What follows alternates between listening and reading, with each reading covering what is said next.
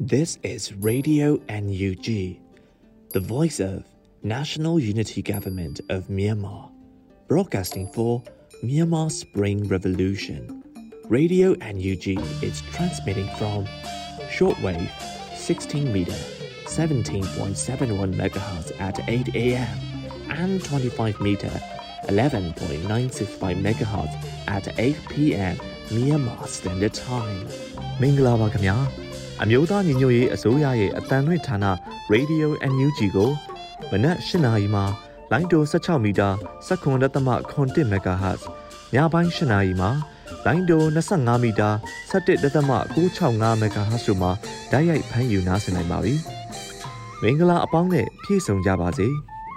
အခုချိန်ကစပြီး Radio NUG အစီအစဉ်တွေကိုဓာတ်ရိုက်အတန်လွှင့်ပေးနေပါပြီ။။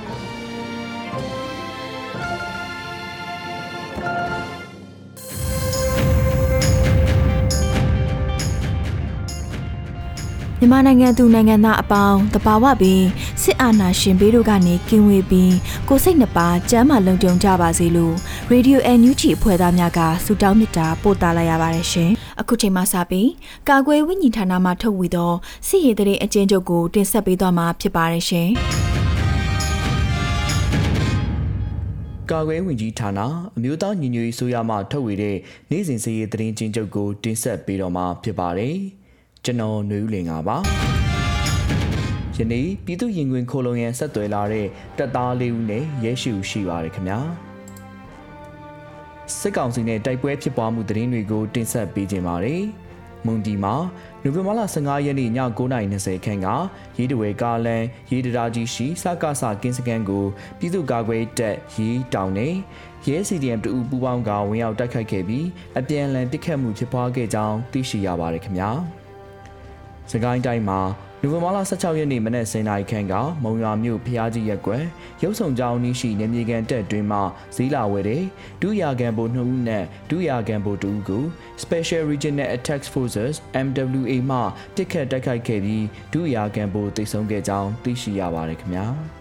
နိုဝင်ဘာလ15ရက်နေ့ညနေ4နာရီခန့်ကရေဦးမြို့နယ်ကုန်းအောင်ကျွော်မှာတင်းတိမ်ရန်ဇရာဝတီဘက်သို့သွားနေတယ်။စကားဆစစ်ကြောင်းကိုပြည်သူ့ကာကွယ်ရေးအဖွဲ့ရေဦးပူးပေါင်းအဖွဲ့များမိုင်းဆွဲတိုက်ခိုက်နိုင်ခဲ့ကြောင်းသိရှိရပါတယ်ခင်ဗျာ။မကွေးတိုင်းမှာနိုဝင်ဘာလ16ရက်နေ့မနေ့ပိုင်းကထီလင်းမြို့နယ်ထဲမင်ကုန်းကြီးရွာမှာပြည်သူ့ကာကွယ်ရေးတပ်ထီလင်းနဲ့စကားဆတပ်များတိုက်ပွဲပြင်းထန်စွာဖြစ်ပွားခဲ့ကြောင်းသိရှိရပါတယ်ခင်ဗျာ။မန္တလေးတိုင်းမှာ နိုဝင်ဘာလ14ရက်နေ့နဲ့15ရက်နေ့အတွင်းပြည်သူ့ကာကွယ်တပ်ဗရမများနဲ့စကားစာတပ်များကြားဖြစ်ပွားခဲ့တဲ့တိုက်ပွဲများမှာစကားစာတပ်သား20ဦးသေဆုံးခဲ့တယ်လို့သိရှိရပါတယ်ခင်ဗျာ။အေယာဝတီတိုင်းမှာနိုဝင်ဘာလ15ရက်နေ့ညနေပိုင်းကအေယာဝတီတိုင်းပသိမ်မြို့နယ်ပသိမ်ချောင်းသာကမ်းလမ်းမပေါ်မှာစကားစာခန့်ပြည်ထောင်စုဝင်ကြီးနဲ့ဝင်ကြီးချုပ်တို့ချောင်းသာဘက်မှပြန်လာတဲ့လမ်းကြောင်းကို PWDF BDF နဲ့မြဝကျွန်းပေါ်ပျောက်ကြားစစ်စင်ရေးတပ်စုပေါင်း၃ဖွဲ့မှပူးပေါင်းတိုက်ခိုက်နိုင်ခဲ့ပြီးအပြန်အလှန်တိုက်ခိုက်မှုများဖြစ်ပွားခဲ့ရာစကားစာတပ်သား10ဦးထက်မနည်းသေဆုံးခဲ့တယ်လို့သိရှိရပါတယ်ခင်ဗျာ။ဆက်လက်ပြီးစစ်ကောင်စီမှကျူးလွန်တဲ့ရာဇဝတ်မှုတွေကိုတင်ဆက်ပေးသွားမှာဖြစ်ပါတယ်။နေပြည်တော်မှာ နိုဝင်ဘာလ15ရက်နေ့ညနေပိုင်းကနေပြည်တော်ဥတ္တရသီရိမြို့နယ်မင်းကုန်းရွာရှိစကားစခန့်အုပ်ချုပ်ရေးမှူးကိုထွန်းမြင့်နဲ့အမျိုးသား၄ဦးကိုစကားစကဖမ်းဆီးသွားပြီးချင်းရွာရဲစခန်းမှာဖမ်းဆီးစစ်ဆေးခဲ့ကြောင်းသိရှိရပါတယ်ခင်ဗျာ။ မကွေးတိုင်းမှာနိုဝင်ဘာလ15ရက်နေ့မနက်9:00နာရီခန့်ကရေစကြိုမြို့နယ်ဇီတော်ကျေးရွာရှိပြည်သူများဖြစ်တဲ့ဦးစုမြိုင်60နှစ်ကိုအောင်စောမျိုး45နှစ်နဲ့တားပစ်သူမိုးဒီခေါ်မောင်မြင့်မြတ်သူ18နှစ်တို့ကိုစကားစတသား9ဦးမှဇီတော်စာတင်ကျောင်းတွင်သို့ဖမ်းဆီးခေါ်ဆောင်သွားခဲ့ကြောင်းသိရှိရပါတယ်ခင်ဗျာ။ နိုဝင်ဘာလ15ရက်နေ့မနက်7:00နာရီခန့်ကပေါက်မြို့နယ်အောင်တကွန်ရက်ကွက်ရှိဒေါ်လာလွေမြင့်နေကိုရဲရင်အား18ဦးဖြင့်လာရောက်ချိတ်ပိတ်သွားခဲ့ကြောင်းသိရှိရပါတယ်ခင်ဗျာ။မန္တလေးတိုင်းမှာနိုဝင်ဘာလ16ရက်နေ့နေ့လယ်ကငဇုံမြို့နယ်အမှတ်1ရက်ကွက်အုပ်ချုပ်ရေးမှူးကိုစကားစာမှအကြမ်းဖက်ဖမ်းဆီးခေါ်ဆောင်သွားခဲ့ကြောင်းသိရှိရပါတယ်ခင်ဗျာ နိုဝင်ဘာလ15ရက်နေ့ညနေ4:00နာရီခန့်ကမြင်းကြံမြို့နယ်နဘူးပိုင်ကျွော်မှအိမ်သုံးလုံးကိုစကားစာများဝင်ရောက်ရှာဖွေပြီး NLD ရဲ့ကြေးအလှုပ်မှုဆောင်ဦးမြင့်ဆွေနဲ့မင်းတီဟာကုံစုံဆိုင်မှကိုအောင်နိုင်လင်းတို့ကိုအကြမ်းဖက်ဖမ်းဆီးခေါ်ဆောင်သွားခဲ့ကြောင်းသိရှိရပါတယ်ခင်ဗျာ။ကနိုဝင်ဘာလ15ရက်နေ့ကမြင်းကြံမြို့နယ်အမှတ်1ရဲစခန်းစခန်းမှုနယ်ပြောင်းနှုတ်ဆက်ပွဲအတွက်လောင်စားတိုင်များထံကတဦးလျင်9000ကျပ်နှုန်းတောင်းခံခဲ့တယ်လို့သိရှိရပါတယ်ခင်ဗျာ နိုဝင်ဘာလ15ရက်နေ့ညနေပိုင်းကမြင်းကြံမြို့နယ်အိုင်းမကြီးရွာမှာရလုံငန်းလှုပ်ရာမှာပြန်လာတဲ့ရွာသား၃ဦးကိုစကားဆများမှာအကြမ်းဖက်ဖမ်းဆီးခေါ်ဆောင်သွားခဲ့ကြောင်းသိရှိရပါတယ်ခင်ဗျာ။နိုဝင်ဘာလ15ရက်နေ့ည9:00နာရီခန့်ကမဟာအောင်မြင်မြို့နယ်35လမ်းနဲ့53လမ်းတောင်ရှိပိုင်အိုနီယာဘားကိုစကားဆများမှဝင်ရောက်စီးနင်းခဲ့ပြီးဝန်ထမ်းချုပ်ဖမ်းဆီးခံရကငွေသားချုပ်နဲ့ laptop များသိမ်းဆည်းခံခဲ့ရကြောင်းသိရှိရပါတယ်ခင်ဗျာ။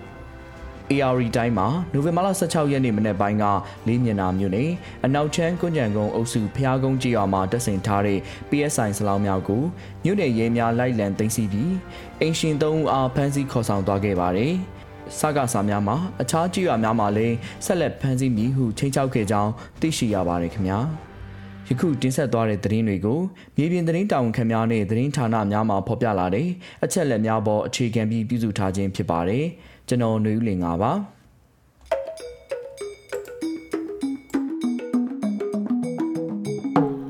ရေဒီယို NUG မှာဆက်လက်အတန်းလွှင့်နေပါတယ်။အခုဆက်လက်ပြီးပြည်တွင်းသတင်းများကိုຫນွေဥမှောင်မှတင်ဆက်ပေးမှာပဲဖြစ်ပါတယ်ရှင်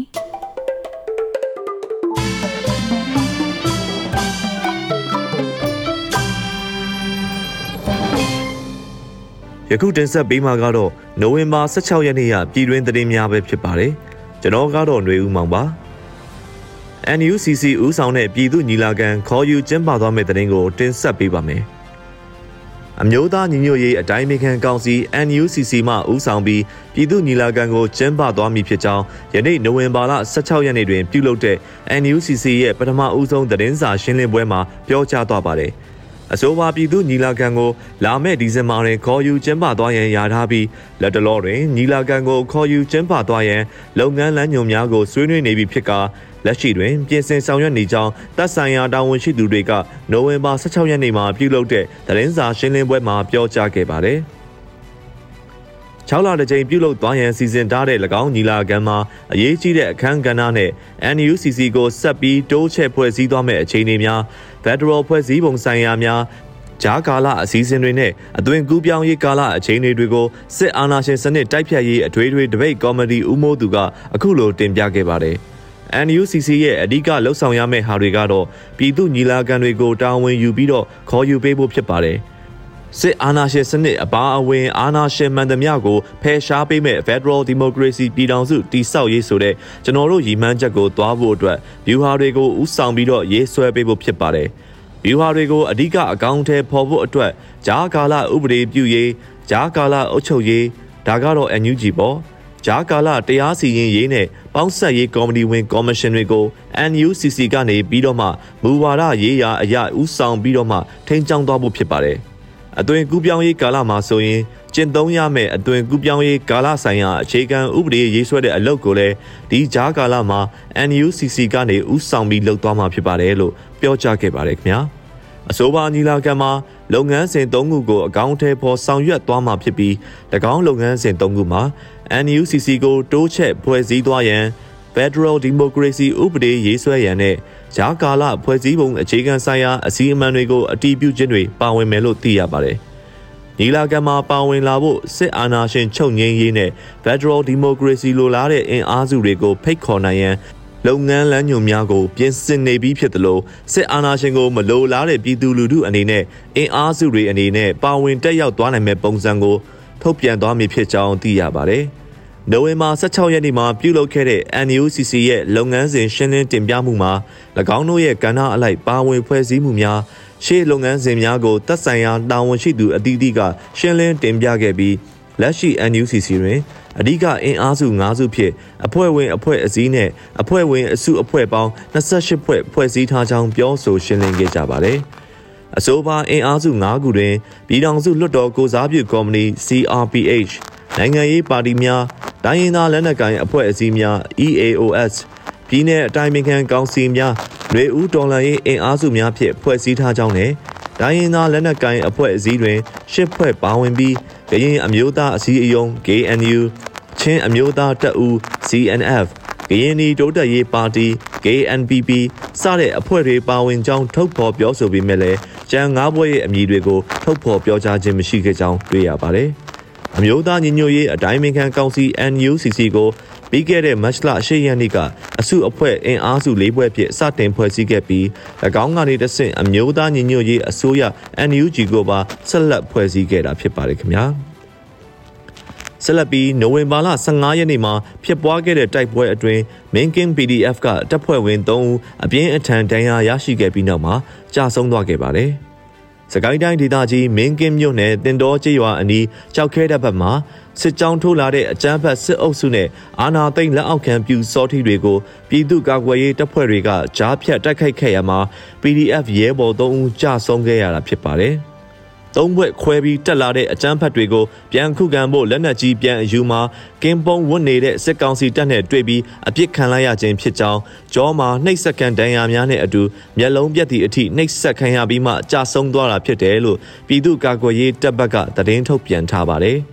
အကြမ်းဖက်စစ်အုပ်စုနဲ့ပြူစောထီတွေဟာမင်းကင်းမြို့နယ်အတွင်းကဂျေးရွာတွေကိုဝင်ရောက်ဖျက်ဆီးမီးရှို့လူရက်တာတွေကိုဇက်တိုက်ကျူးလွန်နေတာကြောင့်ဒေသခံထောင်နဲ့ချီကစစ်ဘေးတိမ်းရှောင်နေရပါတယ်။ ဒိုးတိုက်ပွဲမှာပြည်သူ့ဘက်ကလူငယ်3ဦးကြာဆုံးခဲ့ရတယ်လို့စစ်အုပ်စုက10ဦးတိတ်ဆုံးသွားရတယ်လို့လည်းပြည်သူ့ကာကွယ်ရေးတပ်ဖွဲ့မင်းကင်းကသတင်းထုတ်ပြန်ခဲ့ပါတယ်။ကြာဆုံးရဲဘော်လူငယ်3ဦးရဲ့နာရေးကိုနိုဝင်ဘာ16ရက်နေ့ကပြုလုပ်ရာဒေသခံပြည်သူအများအပြားလိုက်ပါပို့ဆောင်ခဲ့ပြီးဝမ်းနဲ့ပူဆွေးကြတဲ့ရုပ်တံတွေမှာလည်းလူမှုကွန်ရက်မှာပြန့်နှံ့ခဲ့ကြောင်းသိရပါတယ်ခင်ဗျာ။ဆက်လက်ပြီးကြန့်ရှိတဲ့တင်ကိုတင်ဆက်ပေးပါမယ်။ မြန်မာနိုင်ငံကိုရောက်ရှိနေတဲ့ Nippon Foundation ဥက္ကဋ္ဌ Mr. Sasakawa ရဲ့မြန်မာပြည်ခီးစဉ်ဟာကိုရေးကိုတာခီးစဉ်သာဖြစ်ပြီးဂျပန်အစိုးရကိုကိုစားပြုမှုမရှိဘူးလို့ဂျပန်နိုင်ငံသားရေးဝန်ကြီး Yoshimasa Hayashi ကပြောကြားလိုက်ပါတယ်ခင်ဗျာဂျပန်နိုင်ငံသားရေးဝန်ကြီးဌာနအနေနဲ့မစ္စတာဆာဆာကာဝါရဲ့ခရီးစဉ်နဲ့ပတ်သက်ပြီးအစည်းအဝေးရေးဆွဲခဲ့ခြင်းမရှိသလိုသူ့ရဲ့ခရီးစဉ်နဲ့ပတ်သက်တဲ့သွာလာဆွေးနွေးမှုတွေဟာ ဂျပန်အစိုးရကိုယ်စားလှယ်အဖြစ်လှုပ်ဆောင်နေတာမဟုတ်ကြောင်းလည်းယိုရှီမာဆာဟာယာရှီကထပ်လောင်းပြောကြားခဲ့ပါတယ်။အခုရောက်ရှိနေတဲ့မစ္စတာဆာဆာကာဝါဟာအာနာသိန်းစစ်ကောင်စီကအကြမ်းဖက်အာဏာသိမ်းခဲ့တဲ့2020ရွေးကောက်ပွဲကိုလည်းလာရောက်လေ့လာခဲ့သူဖြစ်ပြီးရွေးကောက်ပွဲဟာပြည်သူ့ဆန္ဒနဲ့ကိုက်ညီတဲ့ရွေးကောက်ပွဲဖြစ်တယ်လို့ထုတ်ဖော်ပြောဆိုခဲ့သူလည်းဖြစ်ပါတယ်။မစ္စတာဆာဆာကာဝါဟာအာနာသိန်းခေါင်းဆောင်မင်းအွန်လိုင်းနဲ့တွေ့ဆုံခဲ့တဲ့အပြင်ရခိုင်ပြည်နယ်ကိုလည်းတွားရောက်ဆွေးနွေးမှုတွေလုပ်ခဲ့ပါတယ်။ဒါအပြင် မတရားဖမ်းဆီးခံ NLD ပါတီခေါင်းဆောင်များနဲ့ပါတွေ့ဆုံမှုပြောဆိုနေတဲ့မစ္စတာဆာဆာကာဝါရဲ့ခရီးစဉ်ကိုတော့အာနာသိန်းစစ်ကောင်စီဘက်ကဘောပြရမှာဂျပန်အစိုးရရဲ့ကိုယ်စားလှယ်လို့ထည့်သွင်းဖော်ပြထားတာတွေ့ရှိရကြောင်းပါခင်ဗျာအခုတင်ဆက်ခဲ့တာကတော့နိုဝင်ဘာ16ရက်နေ့ရပြည်တွင်းသတင်းများပဲဖြစ်ပါတယ်ကျွန်တော်ကတော့ຫນွေဦးမောင်ပါ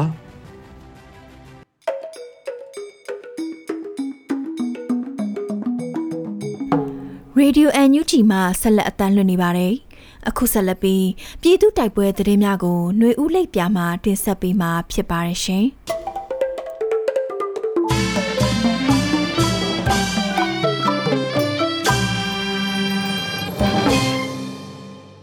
ပထမဆုံးအနေနဲ့ KNU တပ်မဟာ9နယ်မြေအတွင်းနှစ်ရက်အတွင်းတိုက်ပွဲများတွင်စစ်ကောင်စီမှတရင်မှုတခွဲမှုများအပါအဝင်32ဦးသေဆုံး56ဦးဒဏ်ရာရတဲ့တဲ့ရင်ကိုတင်ဆက်မှာပါ။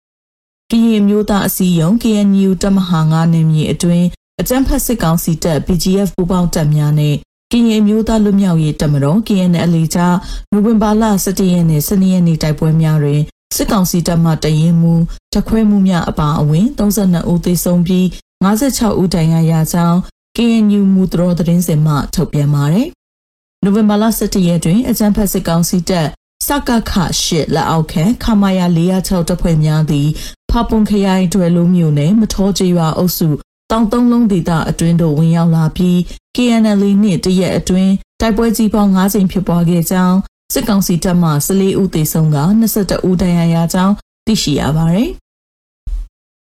နိုဝင်ဘာလ12ရက်တွင်လည်းအဆိုပါမထောဒေသတွင်၌ရင်ဆိုင်တိုက်ပွဲကြီးထပ်မံဖြစ်ပွားရာစစ်ကောင်စီဘက်မှတရင်မှုတအူတခွဲမှုတအူအပါအဝင်14ဦးသေဆုံးကြောင်း 34ဦးဒဏ်ရာရကြောင်းမူတော်သတင်းစင်မှရေးသားဖော်ပြပါရယ်။ဘော့ကျူထဒေတာတွင်လည်းနိုဝင်ဘာလ12ရက်တွင်မွန်းလွန်တနာရီမှတနာရီ35မိနစ်အတွင်းရင်ဆိုင်တိုက်ပွဲဖြစ်ပွားခဲ့ပြီးစစ်ကောင်စီတပ်မှ၄ဦးသေဆုံးကတဦးဒဏ်ရာရကြောင်းဘူးတုံမျိုးနဲ့ခေါ်ပုတ်ဒေတာတွင်ရိခါတဲ့ယူပို့ဆောင်သည့်စစ်ကောင်စီတပ်အား KNL ကပြစ်ခတ်တိုက်ခိုက်ရာမြင်း6ကောင်သေဆုံးပြီး2ကောင်ဒဏ်ရာရကြောင်းသိရှိရပါတယ်။ နိုဝင်ဘာလဇန်ပိုင်းမှာစတင်ကအကြံဖတ်စစ်ကောင်စီတပ်နဲ့လက်ပါစီကရင်နယ်ခြားဆောင်တပ် BGF တပ်များသည် KNU တပ်မဟာ9ဖပွန်ခရိုင်အတွင်းသို့နေမြေစိုးမှုရန်တပ်အင်အားများဖြစ်တင်လာသည့်အတွက် KNL နှင့်ထိတ်တိုက်ရင်ဆိုင်တိုက်ပွဲများနေ့စဉ်နှင့်အများဖြစ်ပွားနေကြောင်း KNU Mutro News ကသတင်းထုတ်ပြန်ထားပါတယ်ရှင်။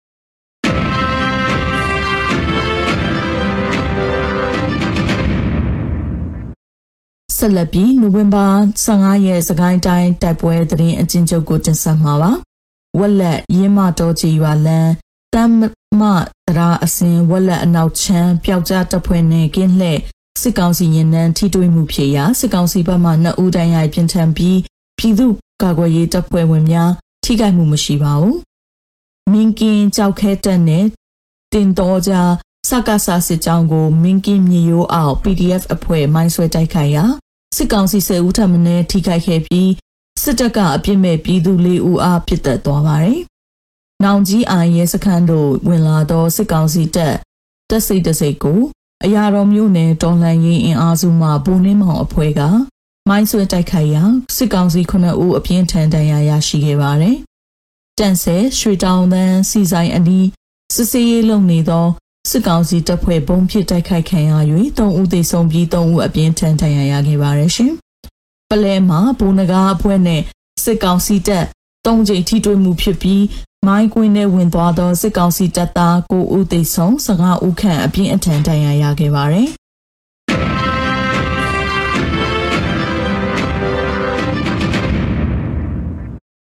နောက်ဆုံးအနေနဲ့အမျိုးသားညီညွတ်ရေးအစိုးရပြည်ထရေးနဲ့လူဝင်မှုကြီးကြပ်ရေးဝန်ကြီးဌာနကနိုဝင်ဘာ15ရက်ရက်စွဲနဲ့ထုတ်ပြန်တဲ့ပြည်သူ့ခုခံတော်လှန်စစ်သတင်းအချက်အလက်တွေကိုတင်ဆက်ပေးသွားမှာပါ။အာနာသိန်းအကြမ်းဖက်စစ်အုပ်စု၏ပြည်သူလူထုအပေါ်အကြမ်းဖက်ဖိနှိပ်ဖန်ဆီးတိုက်ခိုက်တပ်ဖြတ်နေမှုများကိုပြည်သူလူထုတရက်လုံးကအသက်ရှင်သန်ရေးအတွက်မိမိကိုယ်ကိုမိမိခုခံကာကွယ်ပိုင်ခွင့်အရာပြည်သူ့ခံစစ် People Defensive War ကိုဆင်နွှဲလျက်ရှိပါတယ်။သတင်းချက်လက်များအရ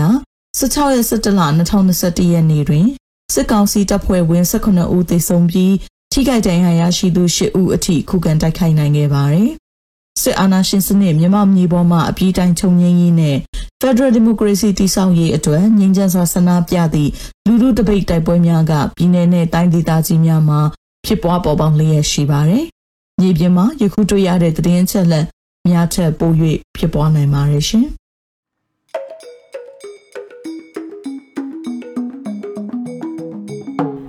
Radio NUG မှာဆက်လက်အသံလွှင့်နေပါတယ်။အခုဆက်လက်ပြီးနေ့စဉ်သတင်းတင်ဆက်မှုကိုမတ်ထထအိန္ဒြာအောင်မှတင်ဆက်ပေးမှာဖြစ်ပါတယ်ရှင်။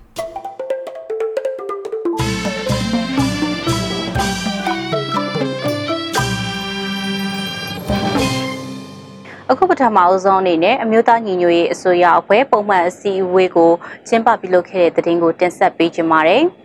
အမျိုးသားညီညွတ်ရေးအစိုးရအဖွဲ့ပုံမှန်အစည်းအဝေးကိုဒီကနေ့နိုဝင်ဘာ16ရက်နေ့မနက်10:00နာရီမှာကျင်းပခဲ့တယ်လို့သိရပါတယ်။အစည်းအဝေးမှာယာယီသမရကြီးကအန်ယူဂျီအစိုးရရဲ့လှုပ်ဆောင်ချက်တွေအောင်မြင်လာလေစစ်ကောင်စီကမျက်မုံကျိုးကအဖျက်အမောက်လုပ်ငန်းတွေပုံမှုလှုပ်ဆောင်လာလေဖြစ်နေမှာဖြစ်ကြောင်းစစ်ကောင်စီကသူတို့ကိုထောက်ခံတဲ့လူပုဂ္ဂိုလ်အဖွဲ့အစည်းတွေကိုအုံပြုပြီးအန်ယူဂျီအစိုးရကိုအမြင့်ပြအောင်လှုပ်ကြံဖန်တီးလာကြောင်း သူတို့နဲ့အဆင်ပြေတဲ့နိုင်ငံတကာကပုံကိုတချို့ကိုဖိတ်ကြားကဆက်ဆံပြနေတာကိုမြင်ရကြောင်းပြောပါတယ်။ တချို့ပုံကိုတွေကမြန်မာနိုင်ငံအရေးကိုစစ်ကောင်စီနဲ့ပူးပေါင်းဖြည့်ရှင်နည်းကိုကျင့်သုံးကျင်ကြတော့မယ်။တကယ်တော့မြန်မာအရေးကိုမြန်မာပြည်သူလူထုကသာဖြည့်ရှင်နိုင်နေဆိုတာကိုတမလိထိုင်ကြကြရှုမြင်တတ်ဖို့လိုတယ်လို့ဆိုပါတယ်။ပြည်သူလူထုကိုစားအန်ယူဂျီအစိုးရပါဝင်ရမှာဖြစ်ပြီးမိမိတို့အနေနဲ့ပြည်သူလူထုအကျိုးစီးပွားကိုဥထိပ်ထားကတရားမျှတမှုဖက်ဒရယ်ပြည်ထောင်စုတည်ဆောက်ရေးအမျိုးသားလုံခြုံရေးနဲ့နိုင်ငံတကာဆက်ဆံရေးပုံမှုတိုးတက်လာအောင်ဆက်လက်ကြိုးပမ်းသွားမှာဖြစ်ကြောင်းတို့ကိုပြောကြားခဲ့ပါတယ်။ ပြည်ထောင်စုဝန်ကြီးချုပ်ကဒီတစ်ပတ်အတွင်းမှာအစိုးရအဖွဲ့အနေနဲ့စီးပွားရေးပိတ်ဆို့မှုဆိုင်ရာမူဝါဒကိုထုတ်ပြန်နိုင်ခဲ့ကြောင်းပြည်သူတွေကိုတက်နေတဲ့လက်နက်တွေအတွက်သူတို့ရဲ့ဝင်ငွေရလန်းတွေကိုပိတ်ဆို့ပြနိုင်ဖို့လိုအပ်ကြောင်းပြည်သူတွေရဲ့ပူးပေါင်းမှုကအရေးကြီးသလိုနိုင်ငံတကာအနေနဲ့လည်းအဓိကကဏ္ဍကြီး၃ခုဖြစ်တဲ့ရင်းနှနဲ့တဘာဝတံငွေကဏ္ဍတတုတွေကဏ္ဍနဲ့ဗန်လုပ်ငန်းတွေမှာထိထိရရောက်ဖိအားပေးဒဏ်ခတ်ပေးဖို့လိုအပ်နေတယ်လို့ပြောပါတယ်။ တတရားရေးဝန်ကြီးဌာနအနေနဲ့ဂျာကာလတရားရေးဆိုင်ရာကိစ္စရပ်တွေစီမံဆောင်ရွက်နိုင်မှုမြန်မာနိုင်ငံလုံးဆိုင်ရာပြည်သူ့တရားရေးဝန်ထမ်းများအဖွဲ့အစည်းရဲ့ယာယီအလုံးမှုဆောင်ကော်မတီကိုနိုဝင်ဘာ10ရက်နေ့ကဖွဲ့စည်းနိုင်ခဲ့တာတွေ့ရတယ်။ အခုကာလကတရားရေးဆိုင်ရာကိစ္စရပ်တွေထိထိရောက်စီမံနိုင်ဖို့အရေးကြီးတဲ့အချိန်ရောက်နေပြီမို့တချို့နယ်မြေတွေမှာကြီးရွာတွေတိုက်နယ်တွေရဲ့အုပ်ချုပ်ရေးဆိုင်ရာကိစ္စရပ်တွေစီမံမှုတွေအတွက်အင်မတန်အရေးကြီးတဲ့တရားရေးကဏ္ဍနဲ့အခြေအဆက်မိမိလှုပ်ဆောင်နိုင်ဖို့လိုအပ်ကြောင်းဘယ်ဒေသကိုပဲဖြစ်ဖြစ်အုပ်ချုပ်ရေးဆိုင်ရာစီမံခန့်ခွဲမှုတွေလုပ်တော့မယ်ဆိုရင်ကာကွယ်ရေးနဲ့လုပ်ငန်းစီမံချက်နဲ့ပြည်ထရေးရဲ့လုပ်ငန်းစီမံချက်တွေအခြေအဆက်မိနေဖို့ကအရေးကြီးပါကြောင်း ဒီနေ့ကျင်းပနေပြီဖြစ်တဲ့အမျိုးသားညီညွတ်ရေးအတိုင်းအမြံကောင်စီ NUCC ရဲ့သတင်းစာရှင်းလင်းပွဲကိုလည်းဝမ်းမြောက်စွာကြိုဆိုခဲ့ပါကြောင်းပြောကြားပါရယ်။ မြန်မာနိုင်ငံရဲ့တမိုင်းတခြားဒီလိုဆွဆွစီစီပူပေါင်းဆောင်ရွက်နိုင်ခဲ့တာဂုဏ်ယူစရာကောင်းတဲ့တမိုင်းတစ်ခုဖြစ်လာမှာဖြစ်ကြောင်း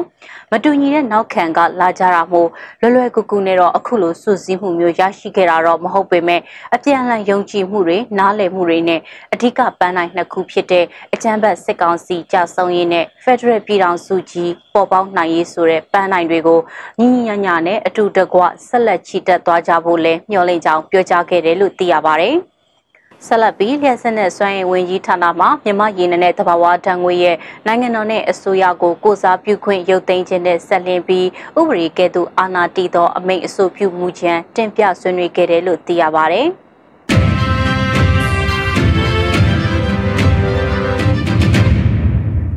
ဆက်လက်ပြီးအမျိုးသားညီညွတ်ရေးအတိုင်းအမြံကောင်စီ NUCC ကပထမအဦးဆုံးအကြိမ်သတင်းစာရှင်းလင်းပွဲပြုလုပ်ကလှုပ်ဆောင်ချက်တွေနဲ့ပတ်သက်ပြီးပြည်သူလူထုကိုရှင်းလင်းပြောကြားခဲ့တဲ့သတင်းကိုတင်ဆက်ပေးပါမယ်။ဒီကနေ့နိုဝင်ဘာ16ရက်နေ့မှာအမျိုးသားညီညွတ်ရေးအတိုင်းအမြံကောင်စီ NUCC ကပထမအဦးဆုံးအကြိမ်သတင်းစာရှင်းလင်းပွဲပြုလုပ်ကလှုပ်ဆောင်ချက်တွေလုပ်ငန်းစဉ်တွေနဲ့ပတ်သက်ပြီးပြည်သူလူထုကိုရှင်းလင်းတင်ပြခဲ့ပါတယ်။ ကိုမင်းကိုနိုင်ကတမိုင်းတလျှောက်မှာစစ်တပ်မပါတဲ့နိုင်ငံရေးအခင်းအကျင်းကိုဖန်တီးနိုင်ခဲ့ပြီးဖြစ်ပြီးဒါဟာအောင်မြင်မှုဖြစ်ကဒီကနေ့သတင်းစာရှင်းလင်းပွဲကနေအင်အားရှိတဲ့စုဖွဲ့မှုရှိပြီဆိုတဲ့သတင်းမျိုးပေးချင်တယ်လို့သတင်းစာရှင်းလင်းပွဲအဖွဲ့မှပြောကြားခဲ့ပါတယ်။ ဆက်လက်ပြီး NUCC တာဝန်ရှိသူတွေက NUCC အနေနဲ့လုပ်ငန်းစဉ်တွေကိုအပိုင်း၃ပိုင်းဖြစ်တဲ့ဂျားကာလာအသွင်ကူးပြောင်းရေးကာလာနဲ့ Federal Democracy ဖွဲ့စည်းပုံအခြေခံဥပဒေပေါ်ပေါက်ရေးကာလာဆိုပြီးလှုပ်ဆောင်မှာဖြစ်တယ်လို့ပြောပါတယ်။ ဂျာကာလာမှာတော့ Federal Democracy ပြည်ညံအစိတ်အပိုင်းတွေကိုဆွေးနွေးအကောင့်ထဲပေါ်နေတာဖြစ်ပြီးအသွင်ကူးပြောင်းရေးကာလာမှာတော့ပြည်သူညီလာခံကိုအကောင့်ထဲပေါ်မှာဖြစ်ပါတယ်။ပြည်သူညီလာခံကိုလာမယ့်ဒီဇင်ဘာလမှာပြုလုပ်သွားမှာဖြစ်ပြီး6လတစ်ကြိမ်ပြုလုပ်မှာဖြစ်တယ်လို့သိရပါတယ်။ အသစ်ပြင်ဆင်ထားတဲ့ Federal Democracy အပိုင်းနှစ်ကိုတော့ပြည်သူညီလာခံမှာအတည်ပြုပြီးမှသာပြည်သူတွေစီကိုချပြမယ်လို့ဆိုပါတယ်။ Federal Democracy ပြည်ထောင်စုကာလမှာတော့ Federal Democracy ကိုအခြေခံတဲ့ဖွဲ့စည်းပုံအခြေခံဥပဒေတရက်ပေါ်ပေါက်ရေးကိုလှုံ့ဆော်မှာဖြစ်တယ်လို့သတင်းစာရှင်းလင်းပွဲမှာပြောကြားခဲ့တာပါ။ဒီလိုလှုပ်ဆောင်နေတဲ့ကာလအပိုင်းအခြားအလုံးမှာအမျိုးသားညီညွတ်ရေးအစိုးရအဖွဲ့ကတော့တရှိနေအောင်မှာဖြစ်တယ်လို့လည်းသိရပါဗျ။ မတ်လ10ရက်မှာစတင်ခဲ့တဲ့အမျိုးသားညီညွတ်ရေးအတိုင်ပင်ခံကောင်စီကတော့တဦးတယောက်ခေါင်းဆောင်မှုမျိုးနဲ့မဟုတ်ဘဲစုပေါင်းခေါင်းဆောင်မှုစုပေါင်းတောင်းရခံမှုစနစ်တွေကိုအခြေပြုသွားမယ်လို့သိရပါတယ်။ NUCC ဟာမြန်မာနိုင်ငံတမိုင်းမှာတခါမှမပေါ်ပေါက်ဘူးသေးတဲ့အစုအဖွဲ့ကိုစားပြုအတိုင်ပင်ခံကောင်စီတစ်ခုဖြစ်တယ်လို့လည်းဆိုပါတယ်။သတင်းစာရှင်းလင်းပွဲပြုလုပ်ပြီးတစ်ဆက်တည်းမှာပဲ NUCC ဟာရှေ့ဆက်သွားမယ့်မူဝါဒတွေကိုထုတ်ပြန်လိုက်တာကိုလည်းတွေ့ရပါတယ်။ NUCC အနေနဲ့ဆရာနာရှင်ကိုစန့်ကျင်နေတဲ့ပြည်သူလူထုတရက်လုံးကိုအနှစ်သာရပြေဝပြီးကိုစားပြု Federal Democracy စနစ်ကိုစုပေါင်းခေါင်းဆောင်မှုနဲ့ဖော်ဆောင်နိုင်တဲ့အစိုးရတရက်ဖြစ်လာစေရေးလှုံ့ဆော်ပေးဖို့ Federal Democracy ပြည်ညံနဲ့အညီပြည်သူညီလာခံကချမှတ်လိုက်တဲ့မူဝါဒနဲ့မဟာဗျူဟာတွေကိုတာဝန်ခံအကောင့်ထဲပေါ်ဆောင်ပေးရေးနဲ့ပြည်သူညီလာခံတစ်ခုနဲ့တစ်ခုကြားမှာမူဝါဒဆိုင်ရာညှိနှိုင်းလှုံ့ဆော်ပေးရေးတို့ကိုတော်လှန်ရေးကာလတလျှောက်မှာကြီးကြပ်ပေးမှာဖြစ်တယ်လို့လို့သတင်းထုတ်ပြန်ချက်မှာဖော်ပြထားပါတယ်။ဒါအပြင်တော်လှန်ရေးရဲ့မန်နိုင်နေဖြစ်တဲ့ပြည်ထောင်စုလွှတ်တော်ကိုစားပြုကော်မတီ CRPH အမျိုးသားညီညွတ်ရေးအစိုးရ NUG ပေါင်းဆက်ညီနိုင်ရေးကော်မတီနဲ့ကော်မရှင်တွေကို Federal Democracy ပြည်ညံကိုအခြေပြုတဲ့မူဝါဒဆိုင်ရာဦးဆောင်မှုပေးရေးကြီးကြပ်ထိန်ချောင်းရေးနဲ့ပေါင်းဆက်ညီနိုင်ရေးတို့ကိုစုပေါင်းခေါင်းဆောင်မှုနဲ့လှုပ်ဆောင်သွားမှာလည်းဖြစ်ပါတယ်။ Federal Democracy ပြည်ညံအစိတ်အပိုင်း1နဲ့2ကို NUCC အနေနဲ့မတ်လ31ရက်မှာထုတ်ပြန်ခဲ့ပါတယ်။အဲ့ဒီပြည်ညံကိုပြန်လည်သုံးသပ်တဲ့လုပ်ငန်းစဉ်တွေကိုတော့မေလ24ရက်ကစတင်လှုပ်ဆောင်ခဲ့ပြီးပြည်သူ့ညီလာခံမှာအတည်ပြုသွားမှာဖြစ်တယ်လို့သတင်းထုတ်ပြန်ချက်မှာဖော်ပြထားပါတယ်။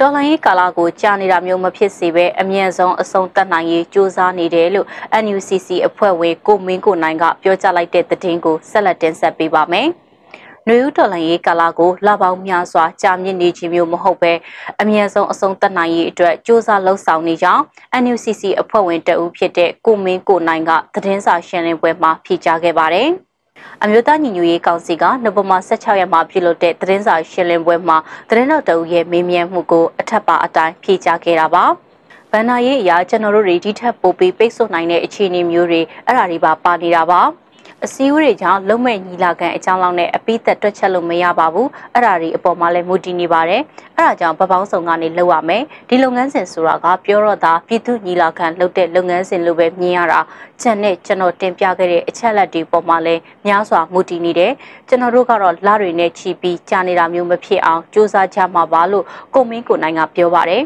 လက်တလုံးမှာ NUCC အနေနဲ့မတူကွဲပြားဆွေးနွေးညှိနှိုင်းမှုတွေကြားမှာရလဒ်ကောင်းအောင်အတွက်အဓိကဦးစားပေးလှုံ့ဆော်နေကြတာဖြစ်တယ်လို့လည်းပြောပါသေးတယ်။ဖေဖော်ဝါရီတရက်ကစတင်ခဲ့တဲ့ຫນွေဦးတော်လန်ကြီးဟာအခုဆိုရင်တော့6လကျော်တဲ့အတိုင်းအတာတစ်ခုအထိကိုရောက်ရှိလို့နေပါပြီ။ပြည်သူလူထုတရက်လုံးပါဝင်တဲ့လူထုတော်လန်ရေးကြီးမှာတော့မတ်လ31ရက်မှာအမျိုးသားညီညွတ်ရေးကောင်စီကိုဖွဲ့စည်းနိုင်ခဲ့ပြီးအမျိုးသားညီညွတ်ရေးကောင်စီကနေအမျိုးသားညီညွတ်ရေးအစိုးရကိုဧပြီ16ရက်မှာဖွဲ့စည်းပေးခဲ့တာပါ။ လက်ရှိချိန်မှာတော့အမျိုးသားညီညွတ်ရေးအစိုးရ NUG ရဲ့ဥဆောင်မှုအောက်မှာနိုင်ငံအနှံ့အပြားပြည်သူ့ကာကွယ်ရေးတပ်ဖွဲ့ PDF တွေပေါ်ပေါက်လာပြီးတော့အာဏာသိမ်းစစ်ကောင်စီကိုဒေသအသီးသီးမှာလက်နက်ဆွဲကင်ပြီးတော်လှန်နေကြပြီလည်းဖြစ်ပါတယ်။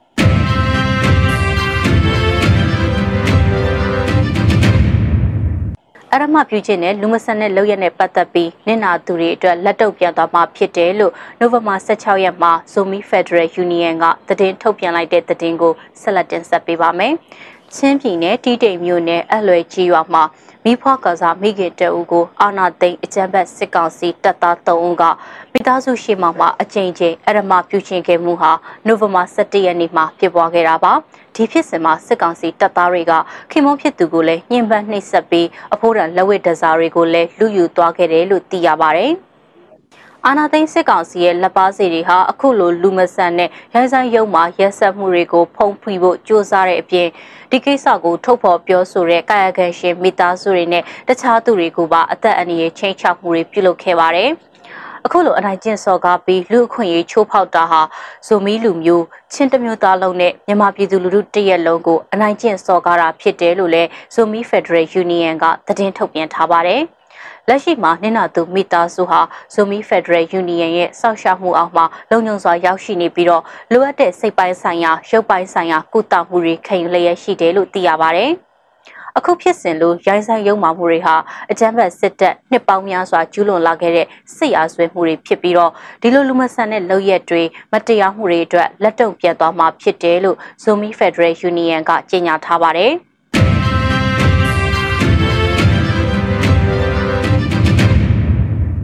အခုနောက်ဆုံးအနေနဲ့မြန်မာနိုင်ငံတဝန်ကလူမျိုးပေါင်းစုံဘာသာပေါင်းစုံပါဝင်တဲ့ဆရာနာရှင်အမြင့်ပြည့်ချေမုံရီလူထုဆန္ဒပြပွဲသတင်းတွေကိုစုစည်းတင်ဆက်ပေးမှာပါ။စကိုင်းတိုင်းရွှေဘုံမြို့နယ်ကြေးရွာတရွာကတော်လှန်ပြည်သူတွေဟာအန်ယူဂျီအစိုးရကိုထောက်ခံကြိုးဆိုကြောင်းနဲ့ဆရာနာရှင်အမြင့်ပြည့်ချေမုံရေးကြေးရွာတွင်လှည့်လည်ချီတက်ဆန္ဒပြခဲ့ပါတယ်။စကိုင်းတိုင်းရမပင်ခရိုင်ဆာလင်ကြီးမြောက်ချမ်းနဲ့ရမပင်အရှိချမ်းရွာပေါင်းစုံတပိတ်စစ်ကြောင်းကတော်လန်ပြည်သူတွေစုပေါင်းပြီးတော့ ဆရာနာရှင်စန့်ကျင်ရဲ့ရပ်ပေါင်း251ရက်မြောက်နေ့အဖြစ်ချေးရွာတွင်ချီတက်ဆန္ဒပြခဲ့ပါတယ်။ဒီကနေ့ကတော့ဒီညနဲ့ပဲ Radio NUG ရဲ့အစီအစဉ်တွေကိုခਿੱတရနာလိုက်ပါမယ်မြမစံတော်ချိန်မနက်၈နာရီနဲ့ညနေ၈နာရီအချိန်တွေမှာပြန်လည်ဆုံတွေ့ကြပါစို့ Radio NUG ကိုမနက်၈နာရီမှာလိုင်းတို16မီတာ7.3 MHz ညပိုင်း၈နာရီမှာလိုင်းတို25မီတာ 17.665 MHz တို့မှာဓာတ်ရိုက်ဖမ်းယူနားဆင်နိုင်ပါပြီမြန်မာနိုင်ငံသူနိုင်ငံသားများကိုစိတ်နှပြကျန်းမာချမ်းသာလို့ဘေးကင်းလုံခြုံကြပါစေလို့ Radio NUG အဖွဲ့သူအဖွဲ့သားများကဆုတောင်းလိုက်ရပါတယ်။အမျိုးသားညီညွတ်ရေးအစိုးရရဲ့စက်သွယ်ရေးသတင်းအချက်အလက်နဲ့ဤပညာဝန်ကြီးဌာနကထုတ်လွှင့်နေတဲ့ Radio NUG ဖြစ်ပါတယ်။ San Francisco Bay Area အခြေစိုက်မြန်မာမိသားစုများနဲ့နိုင်ငံတကာကစေတနာရှင်များလှူအားပေးများရဲ့ Radio NUG ဖြစ်ပါတယ်။အရေးတော်ပုံအောင်ရမည်။